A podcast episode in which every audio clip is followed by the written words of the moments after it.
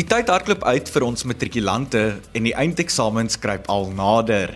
Hallo, ek is Adrian Brandt en ek kuier saam met jou in Kompas op RSG.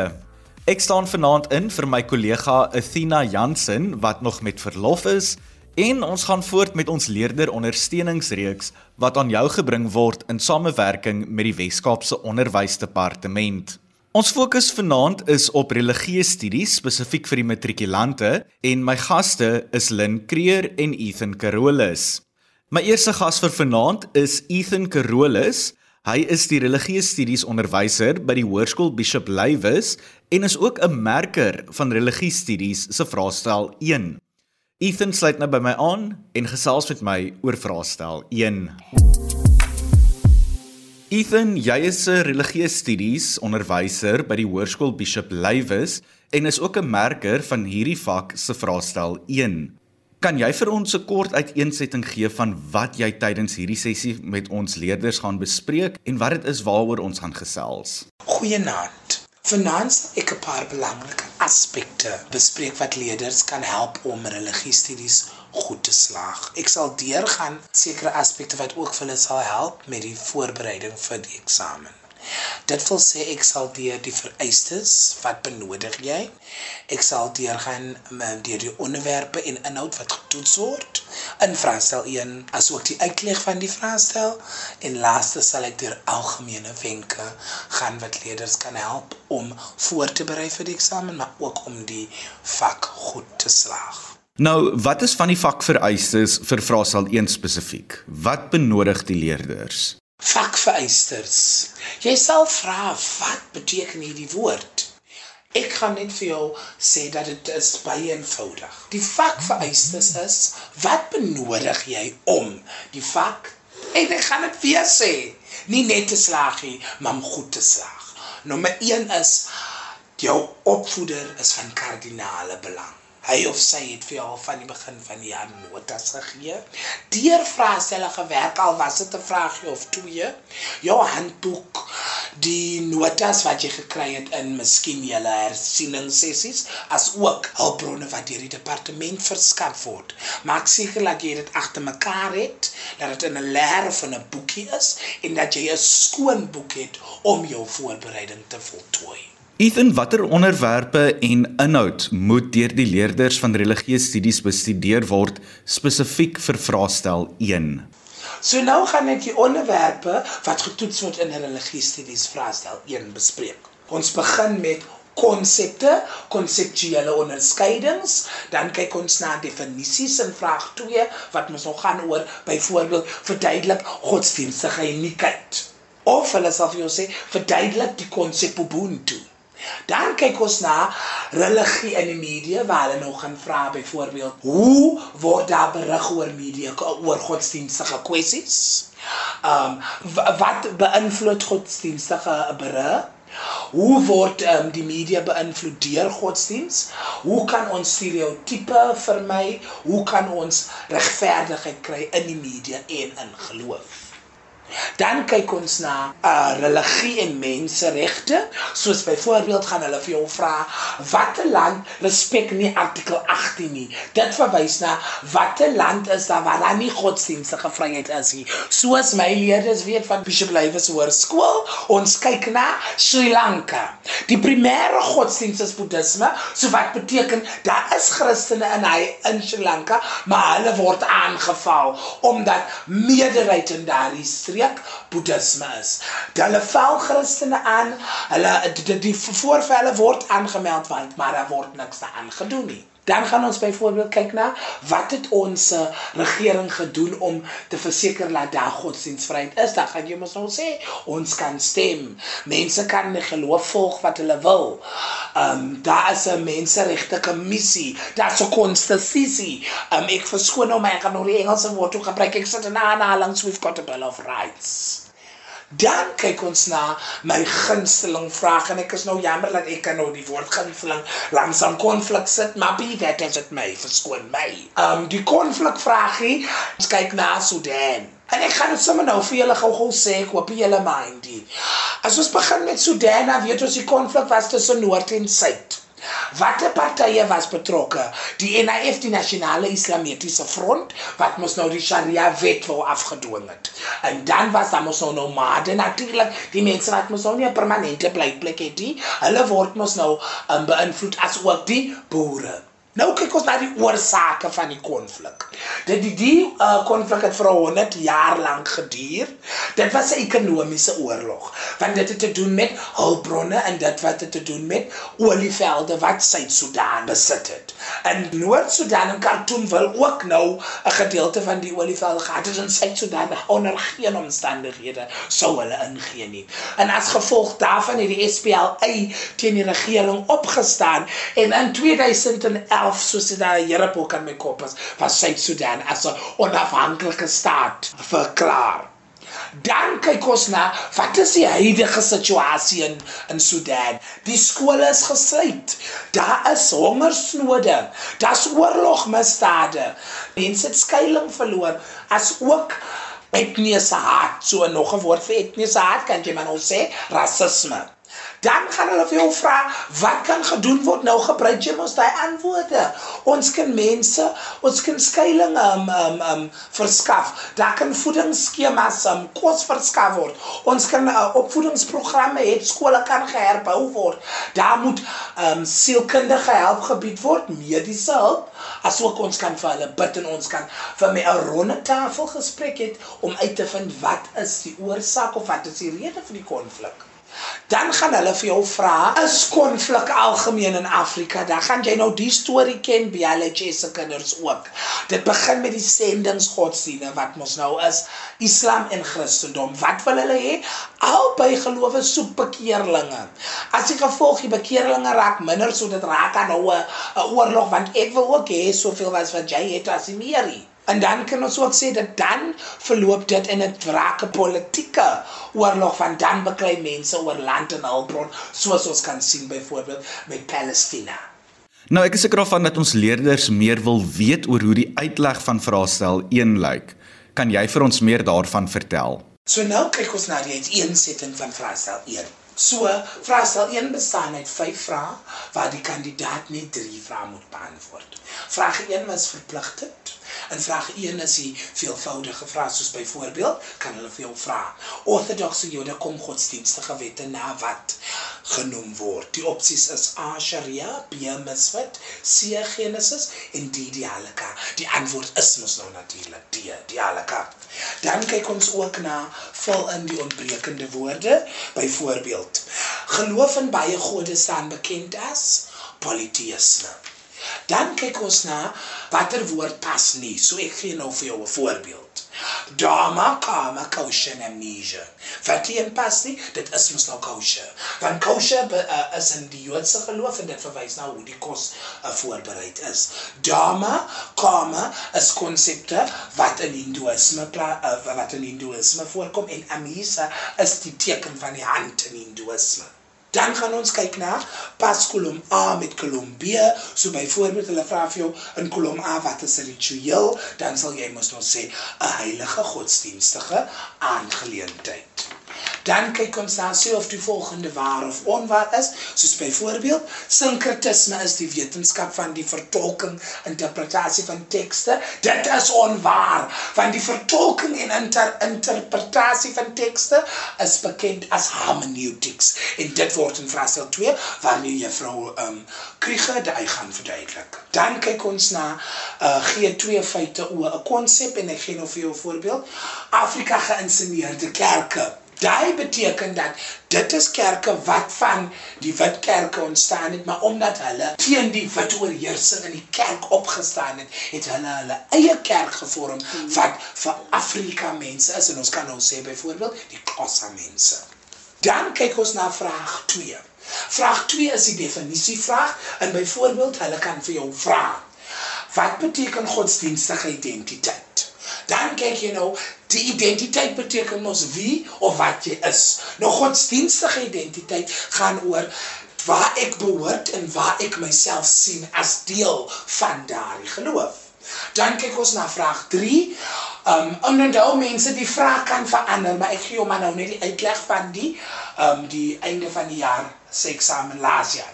Dan vraag 3 kan byvoorbeeld wees religie in media en soos ek voorheen gesê het, hulle kan miskien vir jou sê, gee twee feite elk vir Wes-Oorse kultuur. Nou kyk ons na Wes-Oorse kultuur. Die Wes-Oorse kultuur is dan sekularisme, want mense kan kies watter geloof hulle wil volg en ook daar is nie 'n hoofreligie nie. In die Oos-Afrikaanse kultuur is daar, soos byvoorbeeld Sri Lanka, daar is 'n staatsreligie of 'n hoofreligie, maar dit beteken nie mense kan hulle eie religie kies nie. Dan kyk ons na vraag 4 wat miskien te doen het met religie in media en nou gee ek byvoorbeeld vir jou 'n vraag en hulle sê Wat is die moontlike gevolge van die stereotipering van godsdiens? Nou kan jy kyk. Die moontlike gevolge is mense het 'n het 'n verkeerde persepsie van geloof. Mense loop rond met idees oor geloof wat nie waar is nie. Mense beoordeel mekaar as gevolg van 'n uh, stereotipe en mense veroorsaak verdeeldheid. En vraag 5 het te doen met konflik en byvoorbeeld kan hulle vir jou sê, soos ek vir julle gesê het, dink jy godsdienstige konflik kom algemeen in Afrika voor? Gee jy dit vir jou antwoord, dan vertel jy daai storie van die sendingsgelowe. Ethan, dit is amper tyd vir 'n breek, maar het jy 'n paar algemene wenke wat jy dalk vir die leerders kan gee met betrekking tot religieuse studies se vraestel 1? Wat um, ek nou al met my kinders gedoen het wat ek dink is 'n baie goeie metode is om vir hulle te ontwikkel in die tegniek van breinkaarte. Want baie kere sukkel ons leerders om hierdie lang sinne paragrawe te onthou. So ek verkies dat hulle leerders hulle kernwoorde identifiseer en dan met die kernwoorde ontwerp jy vir jou kopkaart en jy teken vir jou pyltjies om die vloei van jou antwoorde verduidelik. So byvoorbeeld as jy doen konflik, jy weet mos nou in die middel skryf dan en dan begin jy. Jou eerste punt is mos nou noord en. Jou tweede punt is NIF, jou tweede pyltjie NIF boere en nomade. Jou derde punt is mos waar jy begin met die oorsake 100 jaar gelede ekonomiese oorlog, olievelde Suid-Sudan, Khartoum en Noord-Sudan oorneem. SPLA het opgestaan in 2011 as 'n afhanklike staat. Dan kyk jy na jou volgende pyltjie as mos nou die huidige situasie. Skole is gesluit, um hongersnode, verloor van skuilings, um etniese haat en oorlogmisdade. En dan is jou laaste pyltjie mos nou die eh, wat kan gedoen word praktiese strategieë. Ons kan skole herbou, sielkundige help, ons kan vir die mense bid, ons kan voedingsskemas ehm um, voedingsskemas hê, ons kan voedsel verskaf, ons kan skuilings aanbied, ons kan ronde tafel gesprekke hê. Dan kyk ons na is ehm um, as jammer dan dis jou laaste pyltjie is godsdienstige konflik. Algemeen in Afrika sien ons nou sendingsgelowe islam en christendom bekeerlinge bekeerlinge word minder politieke oorlog hulpbronne. En dan kan jy ook kan ek ook vir jou sê dat jy 'n uh, sê 'n week voor die tyd moet voorberei en doen elke dag 'n bietjie. Dit wat jy reeds ken sit jy een kant jy fokus op dit wat jy nog geken nie met die konsepte skryf die konsepte neer plak dit rond jou kamer of rondom die huis soos jy verbystap elke keer as jy dit sien jy lees dit en jy herhaal dit en dit is hoe jy dan nou voorberei onthou jy hier berei vir jouself voor en jy is gereed vir enige vraag wat kan gevra word Jy het mos jou ou vraestelle, werk daardeur. Onthou gebruik eers die memos as jy 'n vraagie voltooi het, want jy help nie jouself om eers na die memo te kyk nie. En onthou, ons soek nie antwoorde wat presies dieselfde as die memo is nie. Ons wil ook jou jou ehm um, verstaan toets of as jy die werk verstaan en as jy ook iets kan byvoeg, sal ons graag jou opinie ook wil hoor alle sterkte vir ons religiestudente vir Vraestel 1. Dan Ethan Carolus, die religieuse studies onderwyser van die Hoërskool Bishop Lywes en ook 'n merker van religieuse studies se vraestel 1. Ethan het vanaand uitstekende wenke gedeel met betrekking tot hierdie vraestel en ek is seker daarvan dat jy nou goed gekonfyt is en goed van jou saak verseker kan wees oor wat om in die eindeksamens te verwag, natuurlik nou vir religieuse studies. Ons gaan nou oor beweeg na vraestel 2 en Lin Creer sluit nou by my aan. Lin is die religieuse studies onderwyser by die Hoërskool Elswood en is ook 'n interne moderator van vraestel 2. Lynn sluit nou by ons aan en deel wenke hieroor, so ek hoop dat jy jou pen en notaboek byderhand het om notas te neem.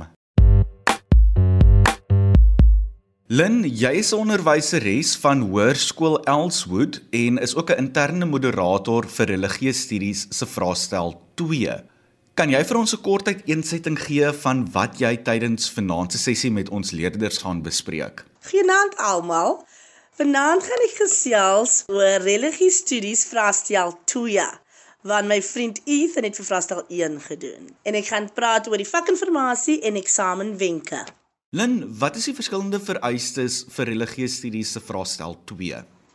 Die vakvereistes vir religie studies vraestel 2 is presies dieselfde soos in vraestel 1. Jy sal jou handboek, jou notas, jou notaboek vir die hele jaar se notas benodig en dan die ou vraestelle wat op die WKOD se e-portal beskikbaar is. Al die jare is daar jy kan pick and choose wat jy wil hê om te gebruik. Maar die laaste 3 jaar is die beste om te gebruik want ons weet mos nou hoe die tipe vrae sal opgestel word. Lin, Ethan het vroeër vir ons genoem wat die onderwerpe en die inhoud is vir vraestel 1, maar wil jy nie vir ons leerders verduidelik wat die onderwerpe en die inhoud is vir religieuse studies se vraestel 2 nie? Right. Ons gaan nou kyk na die onderwerpe en die inhoud van vraestel 2. Ons begin met sentrale leerstellings. Nou en nou, jy kan enige van die 7 godsdienste gekies het, sou jou onderwyser het jou mos nou al vir hierdie hele jaar voorberei in een spesifieke godsdiens of miskien twee. So, die sentrale leerstelling sal dan uit jou godsdiens kom wat jy al die hele jaar studeer het. So ons gaan kyk na die aard van die godheid, die aard van die wêreld, die aard van mensdom met verwysing na gemeenskap en die individu, die plek en die verantwoordelikheid van die mensdom in die wêreld, die oorsprong en die rol van die bose, die oorwinning van die bose en die lewe na die dood. Maar onthou, elke een van hierdie goed gaan uit een spesifieke godsdiens uitkom wat jy al die hele jaar studeer het. Dan, die tweede onderwerp is die rol van rituele in godsdiens. So ons gaan nou daar kyk na die verskillende lewensstadiums in 'n spesifieke godsdiens wat gevier en hoe mense dit verstaan binne in daai spesifieke godsdiens. Dan gaan ons kyk na die interne verskille So daar gaan ons nou kyk na spesifiek jou godsdienst. Ons gebruik gou 'n voorbeeld, Islam. So daar kyk ons na die Sunnis en die Shias. Wat het gelei na die skering toe? Wat wat is die redes wat bygedra het wat die een groot gemeenskap nou opgebreek het in hierdie vertakings? En dan gaan ons kyk die hoofkenmerke van die Sunnis die hoofkenmerke van die Shias, die verskillende verstandhouding met die leerstellings wat elkeen in glo. Ons gaan kyk na hulle praktyke, ons gaan kyk na hulle bestuur, die verskille daarin. Die volgende onderwerp is intergodsdienstige verhoudings. So ons gaan nou daarna kyk na die geskiedenis. Waarvandaan kom dit? Wat is die verhouding tussen politiek en godsdiens? Wat het begin? Hoekom is dit so belangrik? Die volgende onderwerp is dan die normatiewe bronne in verskeie godsdienste. So ons gaan nou byvoorbeeld kyk na die Bybel in Christendom. Ons kyk na die Koran in Islam en dan spesifiek die hermeneutiese beginsels wat te doen het met interpreteer. So ek sê vir die kinders, as jy enige enige ou koerant of 'n ou boek. Hoe gaan jy weet wat in nou wat in die boek staan die waarheid is? So daar's sekere dinge wat 'n mens moet na kyk. So wat kyk jy na? Die geskiedenis, wanneer was daai boek geskryf? Wat was die omstandighede in die land toe daai boek geskryf was? Wat was die politieke situasie in die land? Wat was die boek geskryf om vir ons te waarsku of vir ons om net vir inligting enige iets enige iets van daardie soort. So Daai is nou die hermetiese beginsels. Die volgende onderwerp is godsdiens en die wetenskappe. So daar gaan ons kyk na Charles Darwin, the Big Bang Theory, die oorkanaal teorie en dan die skepingsverhale uit ander godsdienste uit. Ons gaan nou kyk tabuleer die verskille tussen die twee om albei te verduidelik. En dan die sekulêre wêreldbeskouings is die volgende onderwerp en daar gaan ons kyk na ateïsme, agnosticisme, materialisme en humanisme. Ons gaan net na daardie vier sekulêre wêreldbeskouings kyk en dan die finale onderwerp in Frasiel 2 is die sosiale probleem en strategieë hoe om die sosiale probleem aan te vat. So en in die exam guidelines vir hierdie jaar is een van hierdie drie dis genade dood, dwelmmisbruik en omgewingsagteruitgang. So daai is die drie sosiale probleem. Een van hierdie drie sal in hierdie vraestel moet verskyn. So ons weet presies en alle leerders moes nou al vanaf graad 10, 11 en 12 alle sosiale probleme onder die son al kon aangevat het. Nou, hoe lyk die uiteensetting vir religieuse studies se vraestel 2? Kan jy vir ons meer daarvan vertel? Die uiteensetting van die vraestel 2, daar word 5 vrae vir jou gegee. Uit die 5 uit moet jy enige 3 beantwoord. Elke vraag is 50 punte. So as jy klaar is, het jy 150 punte neergeskryf en die vraestel is uit 150 uit. Jy het 2 uur om 3 vrae te beantwoord. Nou, by, ek vat nou 'n voorbeeld, die sosiale probleem. Ons kan nie sê dat die sosiale probleem 50 punte gaan wees nie. Dit kan 30 punte wees, dit kan 20 punte wees, ons weet nie, maar wat ons wel weet is dat dit gaan eers in die vraestel voorkom. So, jy moet hom gaan soek Jy moet soek kan identifiseer wat is die sosiale probleem en net hoeveel is hy. Lindy, dit het ons gevang en ons moet groet, maar het jy enige algemene wenke wat jy dalk vir die leerders wil deel met betrekking tot religieuse studies en dan natuurlik ook vraestel 2? My algemene wenke vir al my leerders is altyd dat onthou, elke taak, elke eksamen Elke klastoets, elke ding wat jy juffrou elke dag gesê het, was vir hierdie twee vraestelle. So julle ken die werk. Jy het die werk gedoen, jy ken die goed. Dis nie vreemde goed nie. So as jy nou voel dat o, oh, as hulle dit die vras jou oopmaak, toe kan wil jy skok kry. Nee, relax. Jy sê vir jouself, wat het ek in die eerste kwartaal gedoen? Wat was die taak wat ons gedoen het? Ek het met my kinders gedoen Sudan. So dan vra jouself, "O, oh, dis die land van konflik. Wat is die partye wat betrokke was in die konflik? Wat is die redes wat gelei het na dit toe? Julle het dit gedoen. Jy ken dit." Wat eksamen vra vra het jy gekies toe jy vir astel 2 nou September geskryf het? Jy ken al die goed, al die werk is in jou kop in. You've got this. Always tell yourself I've got this. I know things and you do. Believe in yourself because that's all you have. Good luck. Dranlin Creer die religieuse studies onderwyser van die hoërskool Elswood en ook interne moderator vir hierdie vak se vraestel 2. Lynn het wonderlike wenke met ons gedeel en soos sy sê, ontspan as jy die eindeksamen vraestel oopmaak want al die werk het jy al gedek in die klas. Jy ken dit, jy weet daarvan. Sit net en ontspan en kyk net mooi, lees net mooi, verstaan net mooi. Dit was ook dan al waarvoor ons tyd gehad het in vanaand se program. Indien jy enige iets gemis het of net weer na die wenke wil luister, kan jy hierdie program altyd gaan potgooi. Besoek die RSG webwerf rsg.co.za en klik dan op die potgooi skakel. Soek dan onder die kompas potgooi en voilà, vanaand se program sal daar te vind wees. Môre aand kuier ek weer saam met jou wanneer ons gesels oor geskiedenis, so maak seker dat jy ingeskakel is indien jy hierdie vak neem. Van my kant Tot dan, mooi loop.